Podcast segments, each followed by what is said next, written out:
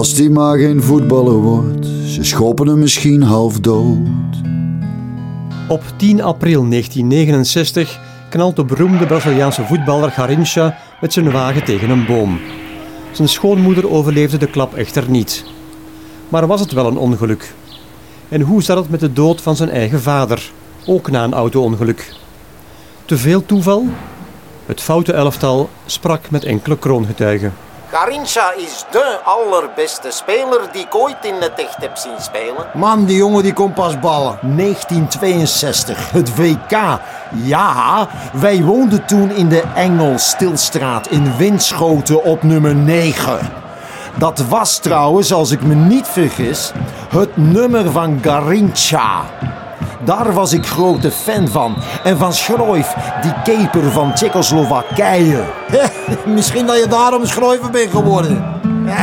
Welkom bij Het Foute Elftal, een podcast van Joost Houtman met in deze aflevering de bereidwillige medewerking van Jeroen Wils, Geron de Wulf, Dimitri Leuwe, Dirk de Verme, Bert Kruismans, Patrick van Gompel en stemmenimitator Alain Hubert alias Alain Provist.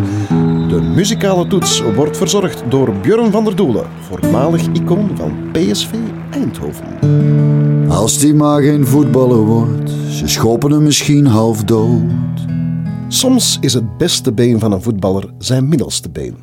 Dat kan zeker gezegd worden van de Braziliaan Manuel Francisco dos Santos, alias Garincha. Vogeltje. Vogeltje. Inderdaad, want groot was Garincha niet. En hij mankte ook bovendien. Toch groeide hij uit tot een van de beste dribbelaars ooit, met bijnamen als Anjo de Pernas Tortas, de engel met de gedraaide benen, en zelfs Alegria do Povo, vreugde van het volk. Op zijn negentiende schraapt Garincha zijn moed bijeen en trekt hij naar Rio, waar topploegen als Botafogo, Fluminense, Flamengo en Vasco da Gama spelen. Bij Botafogo mag hij op proef komen. Tijdens zijn eerste training dribbelt hij de grote Nilton Santos compleet zoek. En dat is niet de minste, want hij is de linksback van het wereldelftal van de 20e eeuw. Garincha, ondertussen al getrouwd en vader, mag meteen een contract tekenen. In 581 wedstrijden zal hij 232 keer scoren en uitgroeien tot clubicoon. Legendarisch is de wedstrijd Botafogo Fluminense. Garincha heeft de bal aan de voet en passeert zijn tegenstander. Plots speurt hij weg, de andere speurt hem achterna, niet beseffende dat Garincha de bal heeft laten liggen. Garincha loopt terug naar de bal en speurt weer weg. Daar trap ik niet in, denkt de speler van Fluminense en laat hem lopen. Met bal. Na elke wedstrijd keert Garincha terug naar zijn geboortewijk om zich helemaal te kunnen laten gaan. Paske, Paske, Garincha, Paske. Oh man, het is goed geweest. Hè. Ik, ik heb al een match in de benen. Kom jong, pietje pakken. Pietje pakken, pietje pakken, hoi, hoi, hoi. Oh, oh. Maar jong, die, die alcohol, jong, dat vervliegt met de Garincha, wil jij nog iets hebben, Garincha? oh, Nog vier pintjes en pak er zelf ook vier. Paske, Paske, pietje, Paske. Garincha. Dat gaat er goed is, ja. Ja, het het komt er niet, hè? Hij komt er niet uit, hè. Garincha's naam is snel gemaakt. En niet alleen in Brazilië. Juventus, Real Madrid, AC en Inter Milaan, ze willen hem allemaal hebben. Maar nee, Garincha blijft bij Botafogo. In Europa zien we Garincha enkel op de buis. Als speler bij de Goddelijke Canaries, de nationale Braziliaanse voetbalploeg. Met Garincha in de rangen zal Brazilië trouwens maar éénmaal verliezen. In de derde wedstrijd van het WK in 1958 in Zweden speelt hij aan de zijde van debutant Pelé. In de eerste minuut treft Garincha al het houtwerk. Pelé doet hetzelfde in de tweede minuut. Brazilië wint de wedstrijd vlot en daarna gaan ook Wales en Zweden voor de bijl. Niet dat het Garincha echt interesseert. Nee, geef hem maar drank en vrouwen. Zweedse vrouwen, blondines op stelten van benen. Nee, echt kwalijk kan je het hem niet nemen. Maar als hij een jaar later, tijdens een Zweedse tournee met zijn club Botafogo, zo'n blonde schone bezwangert, begaat Garincha een flater van je welste. Zijn vrouw Nair Marquez is immers op dat moment ook zwanger. Van zijn vijfde kind, by the way. Oh, is negen maanden zwanger, met alle sores eromheen. Dan krijg je die bevalling er ook nog overheen. Wees storm, puffen, kotsen, knippen dan maar toch. Waar is zo'n kindje toch eens zeggen? Oh, wij hebben gepoofd en het is te laat. Het is nou te laat. Het is te laat. Het is vast te laat. Het is te laat. Het is nou te laat. Het is te laat voor geen kindjes. Het is te laat voor een zorgeloos bestaan. Het nieuws komt uit en bij zijn terugkeer in zijn thuisstad Pau Grande wordt Garincha dan ook stevig aangepakt. Hé, hey, Garincha. Ja. Uw schoonmoeder hier zegt dat je uw zwangere vrouw hebt bedrogen. Dat doe je niet, hè? Jongen, je moet je nou eens niet. Zat zoveel niet. Ja, pas op hè man, ik slaap in pakken ze. Wat? Hier, jongen. Hier. Wat is het? Gaat er lopen? Ah, jongens. Nee, ik pak de nog al. Ja, ah, wel. En, en pakt je schoonmoeder ook mee? Jongen, pak ze zelf mee, jongen. Nee, jij pakt ze mee. Ja, oké. Ik zeg, kom, komt dat niet terug? Garincha stormt het café uit, springt in zijn wagen en rijdt in de verwarring zijn eigen vader aan. Garincha rijdt door en hoewel een heleboel mensen de auto trachten tegen te houden, kan hij toch ontsnappen. Vluchten kan niet meer, ik zou niet weten hoe. Vluchten kan niet meer, ik zou niet weten waar naartoe. Hoe ver moet je gaan?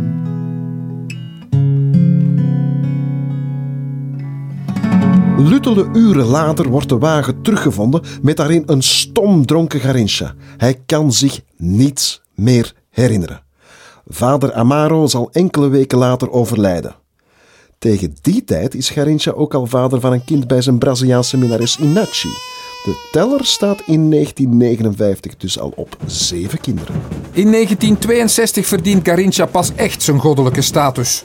Op het WK in Chili loopt Pelé al snel een blessure op.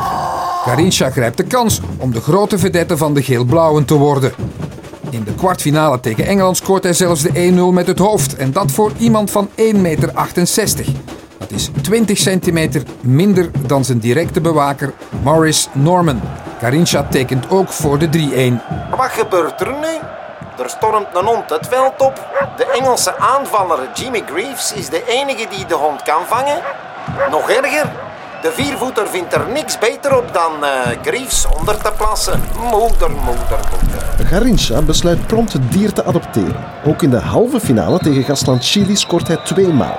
Maar als hij in de slotfase weer eens wordt aangetrapt, gaat hij volledig door het lint. Rood. Onder luid gejoel en gefluit moet hij naar de kleedkamer. De Braziliaanse president Tancredo Neves beweegt hemel en aarde om de schorsing die automatisch volgt om te zetten in een waarschuwing. Wat hem ook lukt. Garincha zal ondanks hevige koorts Brazilië naar nieuwe winst op het WK leiden. In de finale sneuvelt Tsjechoslowakije. In zijn eentje wint Garincha het WK. Pelé, de grootste Braziliaanse ster ooit? Kom aan. Als speler van het toernooi keert Garincha naar Brazilië terug. Terugkeren doet Garincha echter niet naar vrouwtje Nair, want die heeft hij samen met hun acht dochters een jaar eerder laten zitten voor de bekende samba-zangeres Elisa Soares. Die doet daarmee echter geen al te beste carrièrezet. Het publiek ziet haar als een soort Braziliaanse Yoko Ono die een briljant man naar de afgrond leidt. Haar platenverkoop stort in. Na 1966 is Garincha nog maar een schim van zichzelf en verliest zich steeds meer in de drank. Toch probeert Red Star de Paris hem aan te trekken. De deal zal echter in het water vallen, in sterk water. Dat jaar zal Garincha ook alle voorpagina's halen als hij weer maar eens met zijn bolide crasht, met te weinig bloed in zijn alcohol. En dan schakelen we nu rechtstreeks over naar onze man ter plaatse, de parel aan de Kempense kroon, Patrick van Gompel. U ziet hier op de achtergrond het wrak van de auto waarmee de Braziliaanse voetballer vandaag is gecrashed. We hebben vernomen dat hij er zelf met enkele schrammetjes vanaf kwam. Maar zijn passagier, een vrouw, is daarbij wel om het leven gekomen.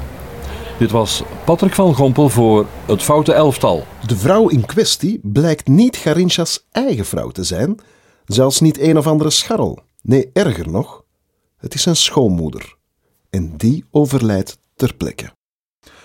Uiteindelijk zal de zaak niet als een misdrijf, maar als een ongeluk geclasseerd worden. Voor je WK-helden moet je wel iets over hebben natuurlijk. Moraal van het verhaal: wie zijn land de wereldbeker bezorgt, mag zijn schoonmoeder iets aandoen. Kop is eraf, zeggen ze. Ja. Het is gedood, zij groeit er gras op onze buik. Braakrug. Ja, ik denk dat ze proper. Op haar teten dan waarschijnlijk. Ah, die gaat voor ons. Geen commissies die meer doen. Ik En vind dat- wel spijtig, want die deed altijd commissies voor ons. Ja, maar die heer Fred was nog niet tevreden. Niet Commissies doen kon ze maar klaar, klaarmaken. klaar- Ja, maakten ze niet veel van. Maakten ze ik. En, en de bom is dood. Zat Dat Marie de kloot, hij gaat het weer van doen. Op tjoeke tjoek te doen. Zeg, ik zou, als, ik zou er geen tjoek tjoek mee willen doen, als ze er me voor zouden betalen. Ik heb er één keer tjoek tjoek mee gedaan. En je hebt er tjoek tjoek mee gedaan. Godverdikke. Dat was voor de accident. Ja, maar met je ogen dicht zie je niet veel. hè. Nee, maar ja. Dat gaat allemaal wel. hè. Ik had wat gedaan. Als die maar geen voetballer wordt, ze schoppen hem misschien half dood. Dit was het Foute Elftal. Niets fouts aan deze podcast, behalve de makers ervan misschien. Mijn naam is Joost Huidman. De man achter de knoppen is Kevin Kools. Het productiehuis is New Impact. Check ook even de andere afleveringen van deze Foute podcast voor nog meer fout lekkers. En voor het zover is, is het tijd voor wat extra tijd. Oké, we zijn hier eh, met extra tijd. Al sinds eh, hartelijk bedankt, Patrick, voor het lenen van jouw stem. En ik kan de luisteraars wel echt meegeven dat de echte Patrick van Gompel hier naast mij zit. Eh, Patrick, vergis ik mij als ik zeg dat jij al van in het begin van VTM voor VTM werkt? Of? Ja, kort na de start. Dat wil zeggen, VTM is gestart februari 89 en ik ben begonnen op 15 mei. 15 mei. En heb je altijd voor de nieuwsdienst eh, gewerkt? Ja, altijd voor de nieuwsdienst. eh, ook eens een jaar voor eh, Telefax, achtergrondprogramma. maar zo goed als altijd voor het nieuws eigenlijk. Ja. En, en wat deed je voor VTM? Zat je bij de VRT of de toenmalige BRT? Ik ben 40 jaar geleden begonnen in de, de kranten als freelancer. En kort daarna heb ik eh, alles bij elkaar toch acht jaar gewerkt voor BRT2 Omroep Antwerpen. Radio, eh, nieuws vanuit de provincie Antwerpen. Ah ja, oké. En ehm waren er specifieke onderwerpen? Was je gespecialiseerd in iets? iets Op een regionale zender eh, doe je eigenlijk eh, van alles. Eh, van eh, de Antwerpse politiek tot eh, gebroken armen en benen, tot eh, culturele onderwerpen, eh, zeg maar. Dat was eigenlijk eh, zeer gevarieerd en, en heel plezant. Ja. Eh, Wat is het, foutste nieuwsitem dat je ooit hebt, eh, hebt verslaan? Ik heb eh, een bloedhekel aan eh, stukken over bijvoorbeeld een Siamese tweeling die wordt gescheiden en dat soort rotzooi. Dat is verschrikkelijk. En ik loop hard weg als ik zoiets moet maken. Ja, omdat het jou te triviaal lijkt als nieuws? Of, of, Ja, en het is een beetje freakshow. Ja. En daar houd ik niet van. Heb je ooit eh, voetbal, eh, voetballers geïnterviewd of, of iets rond voetbal? Zeker weten. Ehm, Kevin De Bruyne, of hoe Ja. heet die? die heb ik eens eh, geïnterviewd. Zeer fijne man. Mhm. Ehm, mijn jongere broer Frank heeft ook heel lang goed gevoetbald in tweede klasse, turnout destijds. En eh, ik ben dus jarenlang met een oom, eh, met mijn broers, naar voetbal gaan kijken. En, Naar je broer dan vooral. Naar mijn broer. Ja, en op ook, welke positie speelde jouw broer? eh, in punt, was een, Ah, een nummer 10. Een veel scorende? Ja, hij was, hij was heel goed. Hij was jong. Ehm, en tweede klasse was, Ja, was misschien zo zijn top. Ja. Nou, als hij een stapje sneller was geweest, misschien eerste klasse. En heb jij zelf eh, gevoetbald? Ja, ja, ik was eh, laatste man. En ehm, De libero. een libero. En wie eh, dacht dat hij voorbij mij was, die werd genadeloos de grond ingeboord. Ja. Het hakmes van Gompel. Ja, dat was echt McKnife. Ja. En ehm, ik moest het ook een beetje hebben van mijn kopspel. Dus eh, voor de rest... Want hoe groot ben je eigenlijk? Een meter 86. Ja. En ik schupte gewoon alles weg. Wat, eh, elke bal die niet in mijn buurt moest zijn voor ons doel, dat werd weggeshot. En, en eh, hoe lang heb je dat volgehouden? De, natuurlijk niet lang, maar... Ik heb in derde provinciale gespeeld. En Bij? bij SK Weelde. Ah, Wilde. Ja, Ja. de Kempen. hè. Weelde, echt tegen de grens. Mooie naam, hè. Ja. En ehm, ja, toen ik eh, rond, rond mijn 25 of zoiets had ik een uh, meniscusblessure. Het duurde lang eer dat het echt was hersteld. Ik voel dat nog altijd eigenlijk. En dan heb ik bij de reserve gespeeld. En uh, daar werden ook uh, zeer plezante overuren gemaakt. de derde helft de, van de je derde altijd. helft, ja. ja. En andere sporten? Die je uh, fietsen doe ik eigenlijk wel veel met een gewone fiets. maar dat ben ik na 50 kilometer toch wel beu. Maar dat is eigenlijk toeristisch fietsen, maar toch een beetje met wat tempo. Mm. Ben jij een voetbalsupporter? Jawel, ja, ja. Anderlecht-fan eigenlijk. Oei. Hier stopt het interview. ja. En, en, uh, en specifieke helden? Uh, niet zozeer, nee. Ik, ik, kan genieten van het uh, mm. spel op zich. Uh, een, een, mooie voorzet of een technisch hoogstandje mm. is dikwijls net zo plezant om naar te kijken als een, mm. een domme doel, ja. een dom doelpunt of zo. Ja. Dus ja, ik, ik, kan wel genieten van Champions League en dat soort dingen. En Kijk je dat graag uh, vanuit de zetel of, uh, of ja. ga je liever naar het stadion? Van zetel, ja. Uh, naar een stadion gaan is, kost weer veel tijd en is een heel gedoe. En, maar af en toe word ik wel eens uitgenodigd in Anderlecht ja. en dan vind ik dat wel ongelooflijk plezant. En als je dan de trainer tegenkomt, geef je dan deskundig advies hoe het beter kan? Nee, ik voel mij niet geroepen. Nee, er zijn andere mensen, een paar honderdduizend andere mensen die zich beter geplaatst voelen. Ja. Um, we hebben het in, de, in de podcast over foute voetballers of, of uh, criminele activiteiten uh, met voetballers. Is zit daar een verhaal bij in jouw geheugen dat je zegt van, ja, dat herinner ik mij nog, een heel opmerkelijk verhaal rond een voetballer? Iets dat je misschien Op, zelf ooit hebt verslagen? Maar niet in negatieve zin eigenlijk. Hm.